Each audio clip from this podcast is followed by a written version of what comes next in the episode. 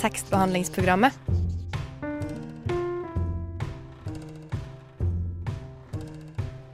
Tekstbehandling på radio.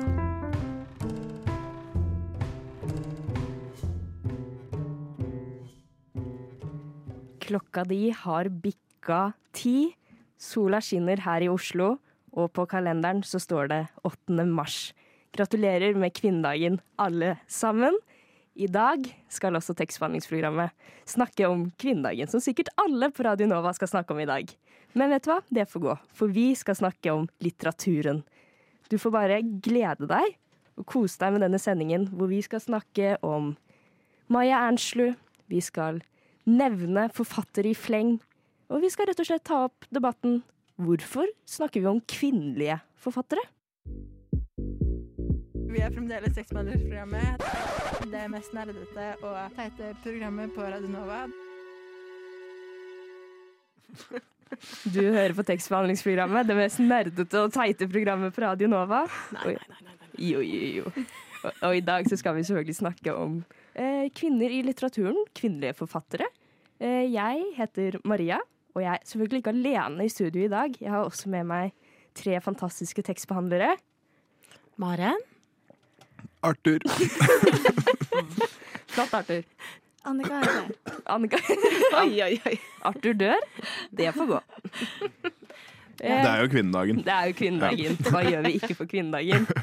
Eh, og et vanlig spørsmål vi starter med her på TVP på en sending, er jo hva har dere lest i det siste? Men la meg spørre, har dere lest noe av skrevet av noen kvinner i det siste? Har du det, Maren? Altså, eh, i det siste og det siste, men det jeg i hvert fall tenkt å, å nevne, var en eh, Selv om vi skal jo snakke om kvinnelige forfattere, men jeg hadde likevel lyst til å ta frem en kvinne som skriver en del.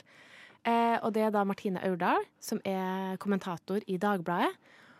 Og eh, i fjor så skrev hun eh, det jeg syns var en veldig bra kommentar, eh, som var knytta til at Une Bastholm, som var partileder i MDG, trakk seg.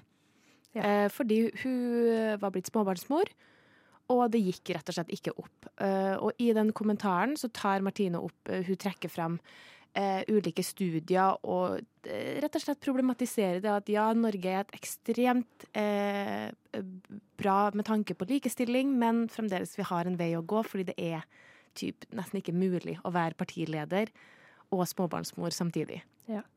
Så dette er da en kommentar, da. Mm. Kult. Du da, Arthur? Eh, ja, jeg har lest uh, The Price of Salt av Patricia Highsmith, uh, som jo er en Jeg vil påstå er en klassiker innenfor, innenfor litteraturen, og um, ja, den omhandler jo også et lesbisk par. En, den har også en annen tittel, Carol. Så ja, jeg har lest den. Annika? Ja. Jeg har lest um, um, 'Elskeren' av uh, Marguerite Duras. Det syns jeg var veldig, veldig fin. Litt sånn uh, litt, uh, litt på kanten tema, men, um, men absolutt verdt å lese. Kult. Ja. Ja, Det er mange gode navn her, men jeg lurer på hvor gode er vi egentlig på kvinnelige forfattere? Hvor mange kan vi egentlig? TVP skal ut i ilden. Vi skal ha en liten hurtigrunde. Maren, du starter. Anne B. Ragde. Kom igjen, Arthur. Mary Shelley. Virginia Woolf. Eh, eh, eh, Helga Flatland. Jane Austen. Simone de Beauvoir. Oh, oui, oui. Wow! Kom igjen, kom igjen! Å nei! Kom igjen, Annika. Eh, Dette klarer du. Ursula Cale Gwynn. I, eh, Sigrid Undset. Maja Lunde. Bra. bra. Sylvia Plath. Uh, hell yeah. Jeg får helt hjerneteppe. Kom igjen, kom igjen! kom igjen Du kommer på noe. Um, Dette klarer du. Uh, jeg kommer ikke på noen ting. jeg. noe pensum, kanskje? Ja, men Det er det som er problemet. Jeg husker liksom aldri hva de heter. Skal jeg ta den for deg? Ja, Skal vi avslutte med Tony Morrison? ja. Ja. Det leser jeg nå. Den leser du nå. Beloved. Sula? Er det Sula, eller er det Det er Beloved. Beloved. okay. Ja. Vet du hva? Vet du hva, Annika? Jeg syns det gikk fint, jeg. Takk. Vet du hva? Jeg syns det gikk veldig bra. Ja. Eh, Jeg lurer på, Er noen av disse navnene er de noen favoritter hos dere? Da, altså, Det er lov å si. Anne B. Ragde, Ja. eh, så klart. Eh, og det er ikke kun fordi hun er trønder, og jeg er trønder. Er du sikker? eh, men eh, hennes eh, berlinerpoplene, eh, ja, de fem bøkene. Uh, jeg husker bare gleden når jeg fant ut at det var ikke bare tre bøker, det var fem. Ja. uh, Nei, guri. Det er definitivt en favoritt. Kult. Arthur? Uh, ja, altså Annika, du nevnte jo faktisk en av mine favoritter, Virginia Woolf. uh, men uh, jeg sa jo også Vi hører det at jeg studerer engelsk litteratur, men også Sylvia Plath og Mary Shelley. Og Mary Shelley, eh, som jo er Eller som var datteren til kanskje mange anser som på en måte starta den bevegelse av feminisme, da, Mary Wollstonecraft. Mary Shelley er, har jo skrevet eh, Frankenstein, og Frankenstein er jo en bok som man kan analysere i det endeløse. Og ehm, ja, jeg vet ikke om noen andre, andre av dere har lest Om dere har lest Frankenstein? Eh, nei, faktisk ikke. Men jeg vet jo at man omtaler jo da Mary Shelley som kan man si, moren av science fiction-sjangeren. Mm. Frankenstein var jo ekstremt hva skal man si, revolusjonerende på den Ja. måten. det, det, er liksom, det er jo en historie som handler eh, veldig mye om, eh, om, om liksom Viktor Frankenstein og en mann, men det er jo på en måte et ultimatum monsteret gir til Viktor Frankenstein, og det er jo det at eh, om du ikke gir meg en brud, så er det ikke noe vits for meg å leve. Word, så, eh, det, så Frankenstein-monsteret anser det livet hans for å være meningsløst hvis han ikke for, en, for et kvinnelig Frankenstein-monster. What's life without woman, guys? Mhm. det er sant. Eh, jeg nevnte jo Helga Flatland, og hun har jeg snakket om også i det endeløse her på TVP. Jeg elsker bøkene til Helga Flatland. Men eh, Annika, var det noen favoritter som dukket opp hos deg? Ja, det var jo det. Jeg eh, er veldig glad i eh, Ursula K. Le Guin. Jeg vet ikke om det er så veldig mange som har hørt om henne, fordi hun er litt sånn eh, Nesten litt sånn kultklassiker, egentlig. Okay. Hun har skrevet eh, en litt sånn ungdomsbok som heter eh, A Wizard of Earth Sea. Veldig vanskelig å si, Uh, men veldig, veldig bra. Handler om en, en eh, trollmann som heter Ged, som, og hans livsreise. Det går liksom fra at han er litt eh, rampete, litt maktgal, egentlig, og så eh, må han gå gjennom en reise for å finne seg selv og eh, på en måte bli glad i alle sine sider, de gode samt eh, som de onde, på en måte. Veldig, veldig fint. Ja. jeg, jeg hadde ikke hørt om den før, så det er veldig kult at du nevner i hvert fall litt ukjent for meg, da, fantasy-litteratur. Ja. Veldig kult. Bare hyggelig. Fuck yeah, bro! Jeg hører på tekstbehandlingsprogrammet. Radio Nova. Du hører på tekstbehandlingsprogrammet her på Radio Nova, og vi snakker rett og slett om kvinnedagen. Kvinnelige forfattere, kvinnelige diktere også, rett og slett. Fenomenale kvinner, er det lov å påstå, dere? Det er en fenomenal kvinne vi skal snakke om litt nå, nemlig Maya Angelou. Maya Angelou ble født uh, i USA. Uh, uh, jeg husker ikke årstall, det var veldig sterkt av meg. Men eh, i hvert fall tidlig på 1900-tallet en gang. Ble født inn i fattigdom, og ble også som åtteåring eh, eh, seksuelt misbrukt som, av sin mors kjæreste. Hun hadde en veldig tøff oppvekst, og sto gjennom så sykt mye dritt, rett og slett. Og så mye fordi hun da var svart. Og hun revolusjonerte så sykt mye, både innenfor borgerrettighetsbevegelsen var hun kjempeviktig. Hun jobbet så mye med Martin Luther King jr., Malcolm X, alle disse store mannlige figurene innenfor borgerrettighetsbevegelsen, så har hun blitt litt forglemt, syns jeg. Hun var også en veldig stor poet, og det diktet vi skal snakke om nå, er jo 'Phenomenal Woman'. Eh, et dikt jeg syns er helt fantastisk, men jeg må selvfølgelig spørre, hva syns dere? Jeg syns også det var kjempefint. Ja. Det var liksom ganske lett tilgjengelig. og ikke så veldig vanskelig å forstå, på en måte. Men jeg syns det liksom toucha inn på veldig det å være kvinne. Hvordan det oppleves, eller hvordan du kan forklare det, på en måte. Uten at det blir forstått, nødvendigvis. Ja, har, vi, en- men, Ja. har vi noen klare liksom, eksempler, sånn at vi kan gi, ja, gi lytterne et slags bilde av dette diktet? Et lite inntrykk? Uh, ja, du, uh, du nevnte det, jeg var ikke klar over før jeg leste diktet at hun hadde blitt seksuelt misbrukt da hun var åtte år. Og det er noe jeg på en måte Og det var egentlig noe jeg tenkte på med diktet før du sa det, at det, det virker som at det er en person som, har, som tar veldig eierskap over sin egen kropp.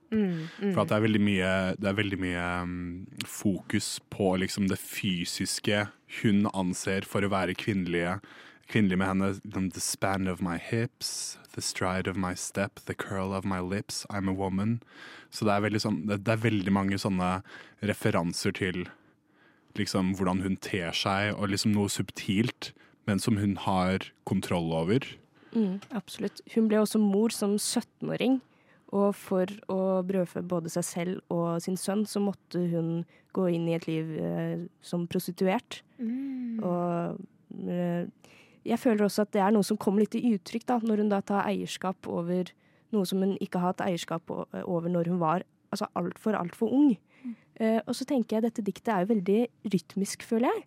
Er det noe du la merke til, Maren? At det er Absolutt, absolutt. Jeg følte at jeg uh, At jeg leste egentlig en sangtekst. Mm. Når jeg leste, lest den, det var flyten og det var en slags rytme. Uh, så jeg, jeg leste den sikkert tre-fire ganger på rad. Fordi det var bare Det, det var veldig fint. Eh, og så nevnte jeg jo det til deg før vi gikk på sending. Ja. Og da nevnte jo du Ja. noe, eh, noe tillegg til det. Det fins jo ikke grenser for hva Maya Angelou gjorde i sitt liv. Hun døde da i 2014, så hun er dessverre ikke med oss lenger. Men eh, i tidlig, tidlig i sin karriere så var hun faktisk artist. Hun var en calypso-musiker. Igjen jævlig fett. altså, jeg bare syns det er så dritkult.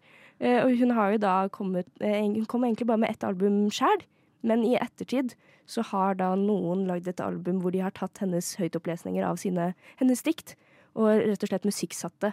Og eh, dessverre ikke 'Phenomenal Woman', som jeg syns var litt trist, Mm. men blant annet diktet 'Still I Rise', som er et, eh, altså, si et elementært dikt innenfor borgerrettighetsbevegelsen.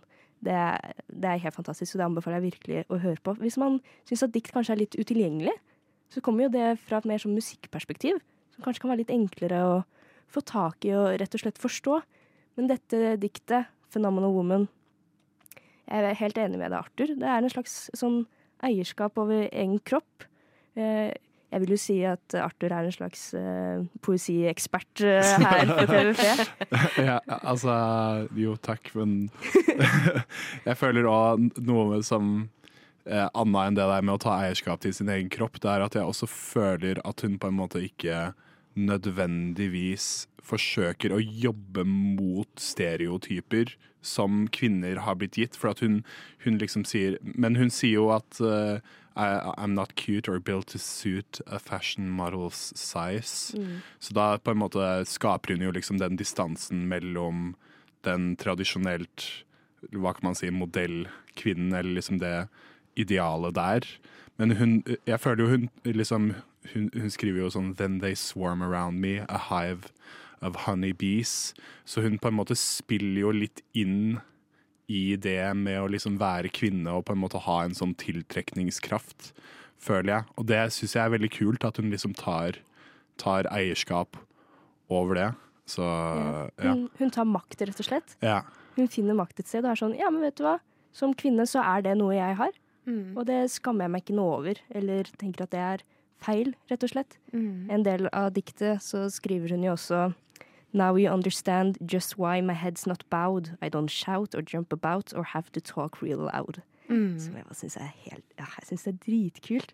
Altså, dette bildet av en sånn uh, Det blir feil å si beherske kvinne, men en kvinne som bare står i seg selv. Ja, jeg føler det oser selvtillit. eh, som er vakkert, og at eh, du kan være på en måte stolt eh, av kroppen din og ha eierskap til kroppen din.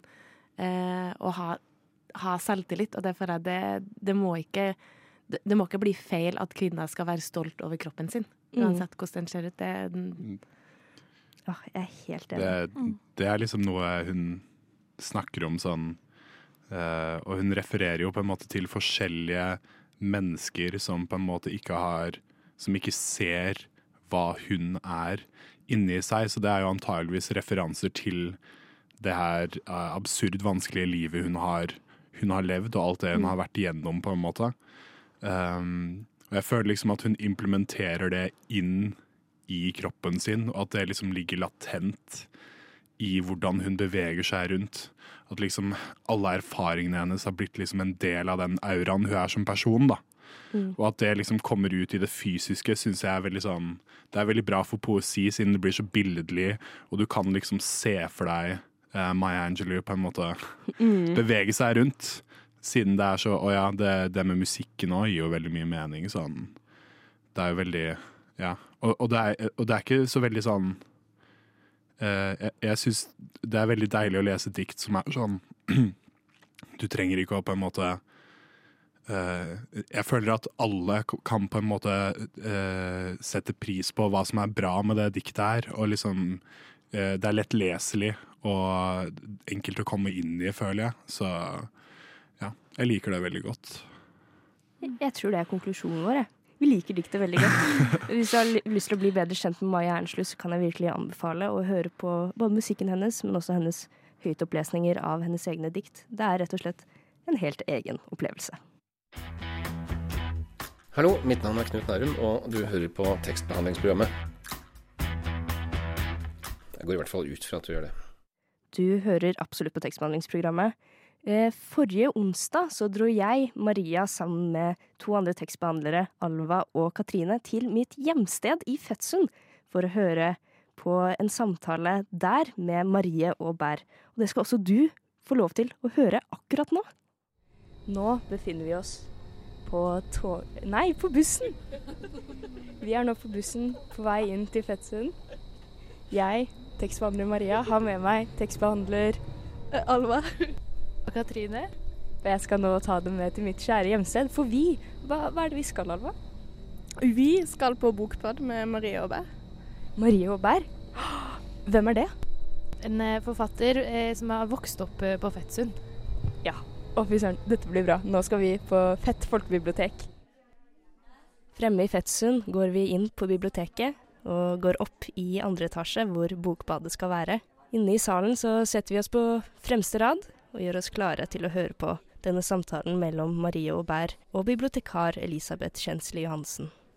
Her er en forfatter av nasjonalt og internasjonalt kaliber som tilfeldigvis er født og oppvokst i Fetsund. Hjertelig velkommen, Marie Aubert. Tusen takk. Temaet for denne samtalen er Marie Aubert sin nye roman 'Jeg er egentlig ikke sånn'. Marie og Elisabeth snakker om de fire hovedpersonene som vi følger i romanen. I hvert fall når eh, boka starter, så er, eh, så er alle fire ganske ensomme mm. på hver sin måte. Men det handler, handler, mye om akkurat det. Mm. Som eh, kan, Om de kan klare å nærme seg hverandre mm. litt etter hvert. Og det skal vi ikke røpe hvordan går. Uh, hvordan, hvordan, hele eh, Vi kan si såpass at den konfirmasjonen, det er litt dramatikk. Men det er det. Det ligger duket for det hele veien, og det er litt dramatikk.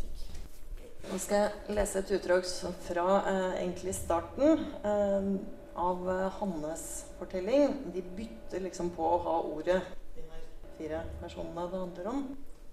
Og det som har skjedd nå, er egentlig bare at uh, Julia og Hanne har tatt fly fra Oslo til det her lille stedet som jeg aldri sier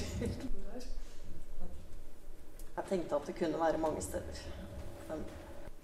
Så er de hjemme hos uh, pappa Nils, hvor de skal uh, bo denne. Vi får kaffe i stua. Pia tasser rastløst noen runder og legger seg til slutt ved pappas bein og sukker langt. Pappa kjøpte dette huset etter at han og Kristin gikk fra hverandre flere år siden. Det ser fortsatt ut som en nyskilt mann bor her. Han har krus med firmalogoen fra forsikringsselskapet der han jobba, og et stuebord som er for stort for stolene. Men jeg syns det er koselig likevel. Det lukter som pappa, og jeg kan trekke beina opp i sofaen. Julia forteller om flyturen. Hun spør om huset mens hun ser pappa inn i ansiktet. Begge smiler. Pappa klinker koppen sin mot Julias kopp og sier skål. Hun sier skål tilbake og blunker. Og jeg slapper av i skuldrene. Etter samtalen får vi mulighet til å snakke litt alene med Marie og Bær. Er det en av karakterene i den siste boken din du liker best? Jeg er jo veldig glad i alle fire. Både Bård og Hanne og Linnea og Nils. Kanskje bitte lite knepp ekstra glad i Hanne. Fordi den fortellingen var veldig gøy og vond og spennende å skrive, syns jeg. Hvilken karakter tror du er nærmest deg i virkeligheten? Alle er nok litt nærme på ulike måter. Det, det blir jo litt sånn at du putter inn eh, putter alltid inn ganske mye av deg selv når du skriver, men de ligner jo ikke nødvendigvis. Fortellerstemmen til Hanne tror jeg jo ligger eh, tettere opptil f.eks. Ida i 'Voksne mennesker', som var min forrige roman. Begge litt sånn der innestengt eh, sinte og, og villige til å gå sånn litt for langt hele tida. Etter mange flotte timer tilbrakt her i Fettsund, så er vi nå ved veis ende. Eller vi er ved veien, som du sikkert kan høre. Nå står tekstbehandlerne og venter på bussen som kommer nå, der borte, inn til Lillestrøm. Mens vi står og venter, så ser vi det flotte biblioteket her i Fetsund, hvor vi har vært og hørt på en kjempefin samtale. Hvis du går hjem med noen og de ikke har bøker, ikke knull dem. Hilsen tekstbehandlingsprogrammet. Du lytter til Radio Nova. Du lytter til Radio Nova. Du gjør faktisk det. Eh, Og i tekstbehandlingsprogrammet i dag så snakker vi rett og slett om kvinnedagen. Den fantastiske dagen vi er i akkurat nå, i dag, 8. mars. Og og noe vi har bemerket oss litt, eh, tre av oss her er litteraturstudenter slash eks-litteraturstudent, som kanskje er meg, eh, at det vi snakker om kanon, rett og slett, de store verkene, har jo begynt å bli litt annerledes, kanskje. Eh, har du merket det, Annika? Ja, de har jo snakket om det på studiet. Jeg, Ja. Men jeg, problemet mitt er at jeg, jeg har ikke vært så flink til å følge med på kanon. Så jeg vet liksom ikke hva som var før. Jeg vet jo at det ikke var så mange kvinner, på en måte, for de har sagt at de liksom trekker inn litt flere kvinnelige forfattere og, og den slags. Men jeg kan ikke liksom peke på en forfatter og si den er ny i kanon. Nei. Nei, Nei kanskje ikke. Har du lagt merke til det, Arthur? Det har jo vært en regelrett infestasjon av kvinner inn i litteraturkanonen som er helt håpløst. Ja, Totalt disse liksom-intellektuelle Emily Dickinson og Virginia Woolf. Forferdelig. Ja, da har professor Arthur inntatt studio her. Nei, da, Arthur. Arthur, din ærlige, ordentlige mening Ja, som engelsk litteraturstudent. jeg, jeg føler at det har vært en del liksom, fokus fra mine professorer på at det her var ikke en del av kanonen før, men nå er det det fordi at man har tatt et bevisst valg om å gjøre kanonen mer um, uh, diverse.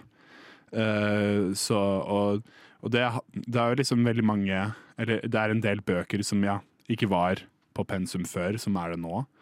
Så som eh, det var, det var eh, en bok av eh, Kate Chopin som var The Awakening. Og da er- det jo liksom Ja, og eh, tidligere også var det faktisk ikke så vanlig å ha Jane Austen på pensum, eller Virginia Woolf, eller ja, Emily Dickinson var jo ikke like mye nevnt som andre amerikanske poeter, eksempel.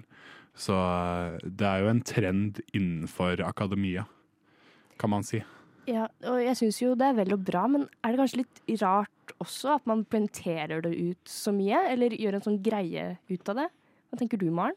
Jeg føler det eh, Vi har jo sett det ikke bare i litteraturen, men eh, eh, hva jeg si, om det er komikere eller artister, at det er en slags kvotering. Eller det har i hvert fall vært en diskusjon, da. Eh, at det er et, eh, Hva jeg si, majoriteten er menn. Og er det, er det rett? Og, så er det sånn Skal, skal det puttes inn kvinner bare fordi Nei, men det, det, det må det jo nesten. Eh, men så er det sånn, med tanke på mangfold og det, det, vi, vi kan jo være enige om at det finnes jo eh, gode forfattere som er kvinner. Så hvorfor skal ikke dem eh, være i kanoen? Ja. Hvorfor har det ikke vært det hele tiden, på en måte? Litt eh, den der. Det er A world run by men. Ja, det er jo Fuck you guys. Det er jo Fuck you, ikke ja. ja, jeg representerer alle menn gjennom tidene. Hvis det hadde vært sånn, så hadde verden vært bedre, tror jeg. Jeg vet hva, jeg er faktisk enig. Men eh, det er jo veldig klare årsaker for det, og det er jo fordi at de som har satt kanoen, eh, stort sett har vært menn.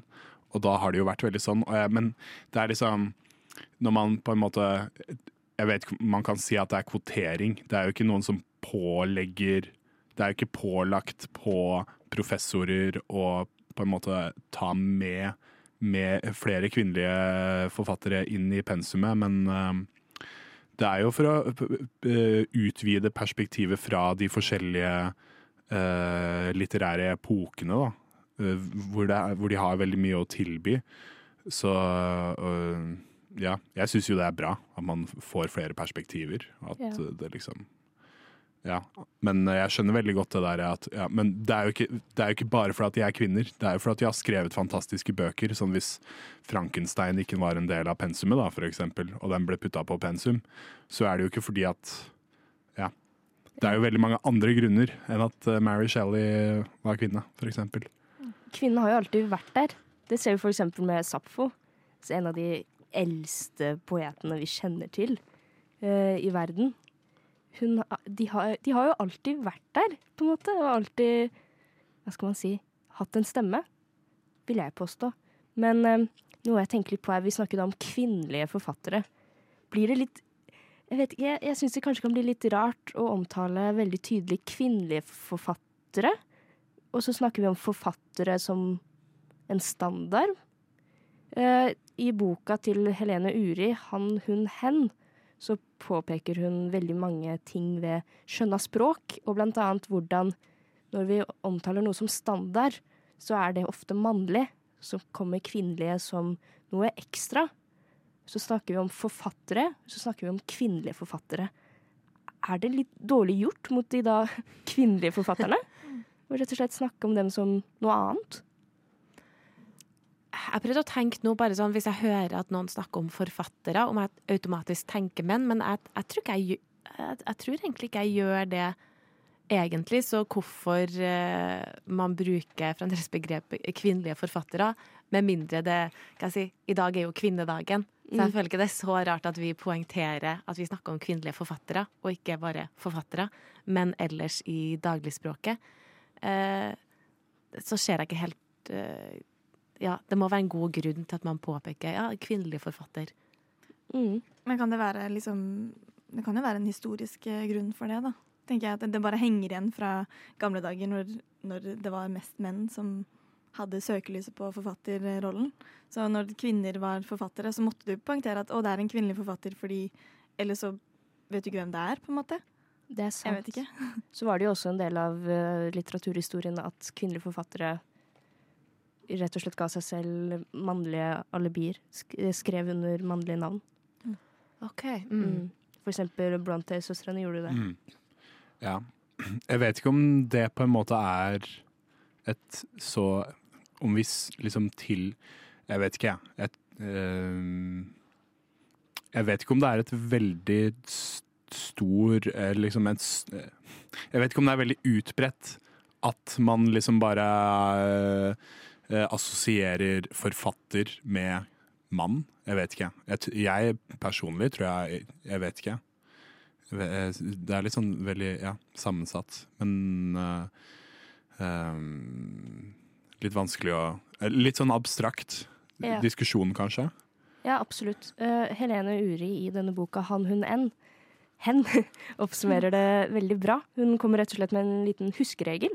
Og den er som følger ikke bruk kvinnelig og mannlig der det ikke er nødvendig. Asymmetriske konstruksjoner som forfattere og kvinnelige forfattere, leger og kvinnelige leger, sykepleiere og mannlige sykepleiere hører ikke hjemme i vår tid. You have bewitched me, body and soul, and I love, I love, I love. Tekstbehandlingsprogrammet på Radio Nova. Her på tekstbehandlingsprogrammet så snakker vi om kvinnedagen, rett og slett.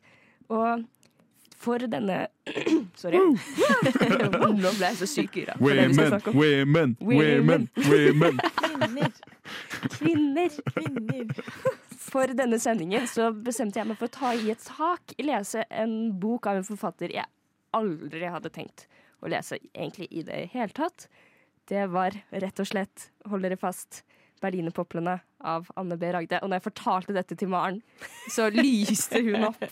Det var både bursdag, julaften og 17. mai for hun, rett og slett. Ja, det var helt fantastisk. Det, jeg, jeg tror det er ingen eh, hva jeg si, eh, som ikke er foreldregenerasjon eller eldre som er truffet, som har lest de bøkene, eller en av eh, bøkene. Så når jeg hørte det, jeg var sånn Oh my god, fantastisk. Ja, for du digger jo Annie B. Ja. Jeg er veldig, veldig glad i hun og det, jeg hadde jo egentlig ikke noe mye kjennskap til henne før jeg begynte å lese eh, Berlinerpoplene-serien. Eh, og dem hadde jeg rett og slett bare funnet i eh, bokhylla til min mor. Mm. Eh, og tenkte ja, ja, OK. Det, jeg har jo hørt at de er populære, så Ja. får se, da. Og så, nå har jeg tenkt noe i ettertid, nå har jeg lest boka. Jeg syns den var kjempebra, jeg liker den, sånn som du gjør, og jeg er overbevist. Dette er en bra bok. Og de følgende bøkene er sikkert også kjempebra. Hvorfor tenkte jeg før jeg leste denne boka at nei, dette her tror jeg ikke er noe særlig? Hva, hva tenker dere? Har, altså, Annika og Arthur, dere har jo ikke lest Anne B. Ragde. Hva er deres bilde av henne? Jeg hadde ikke noe Jeg visste ikke egentlig hvem hun var. Oh, ja. Så jeg hadde liksom ikke så veldig Well, mye well. Ja, jeg beklager, jeg har ikke så mye å komme med akkurat på det. Um, men jeg så jo den um, Ja. Hva, vi- hva, Hvor var det det var det? Den, det intervjuet med henne? Ja, vi alle så jo et intervju med henne på Lisenskontrolløren på NRK. Ja. Hvor hun rett og slett snakket om hva skal man si, image. Kvinne. Ja. Det å være kvinne. Kvinnelig Myter. forfatter. Myter, ja. Mm. Du så det jo, du og Arthur. Ja.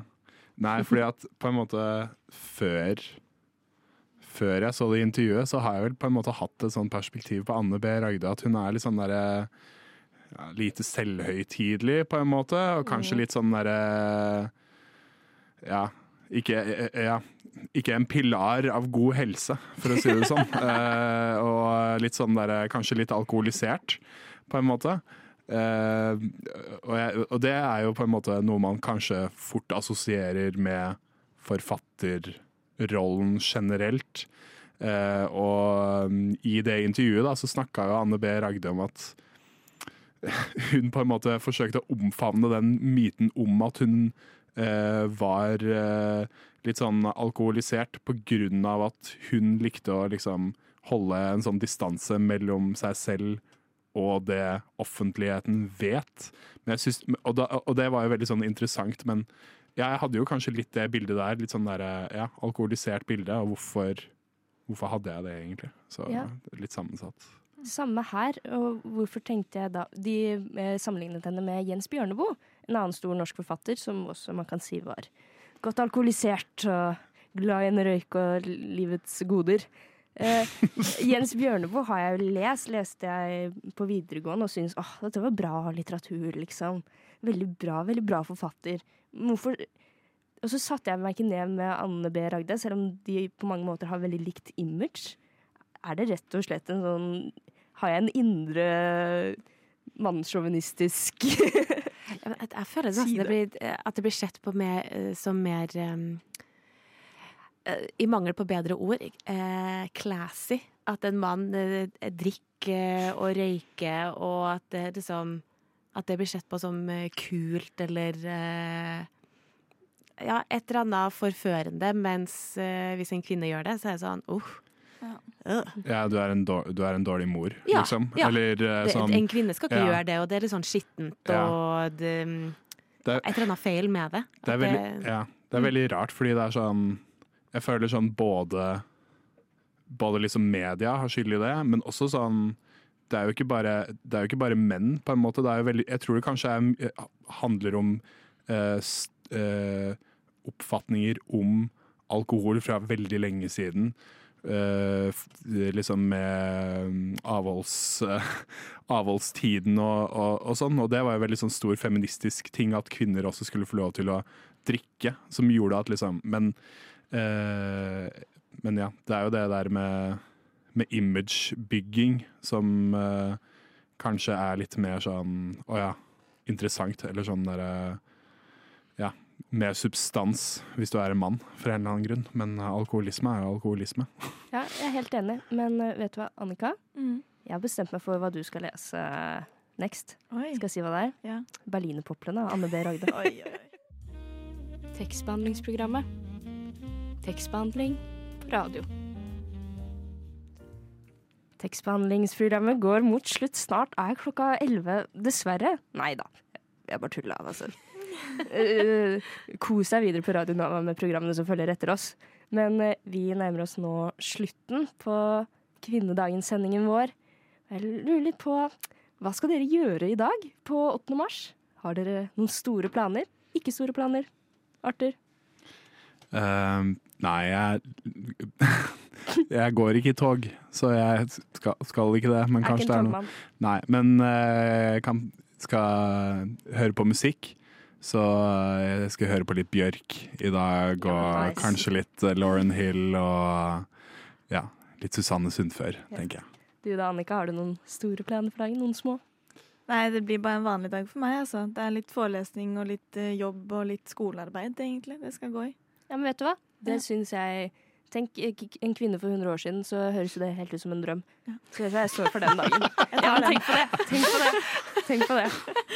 Tenk så langt vi har kommet. Dette er å hedre kvinnedagen, vil jeg også påstå. Ah, for en god tid det var! Nei, professor Arthur, er du tilbake? Du da, Maren? Nei, vet du hva, dagen eh, består av jobb etter, eh, etter det her. Men det kommer jeg til å kose meg med. Ja, samme her, egentlig. Men hvis du har litt fri i kveld, så kan jeg informere om at eh, i Oslo i dag så er det selvfølgelig 8. mars-tog. Det starter klokka seks, tror jeg. Det er to tog som kommer til å gå. Det ene er eh, transinkluderende, og et annet eh, hva kan man si, eh, vanlig 8. mars-tog. Eh, Så gjerne gå ut og feir 8. mars, og kos deg. Og bare ha en skikkelig fin dag. Og ja, takk for oss. Ha det. Men hvor kan vi oh, ja, høre herregud, høre på tekstbehandlingsprogrammet? Eh, Ja, hvor kan man høre tekstbehandlingsprogrammet, Annika? Um, du kan høre oss eh, på onsdager fra klokken 10 til 11. Eller alle andre steder som man hører på podkast. Greier. Der er du god. Takk. Takk for oss. Takk for oss. Ha det. Ha det.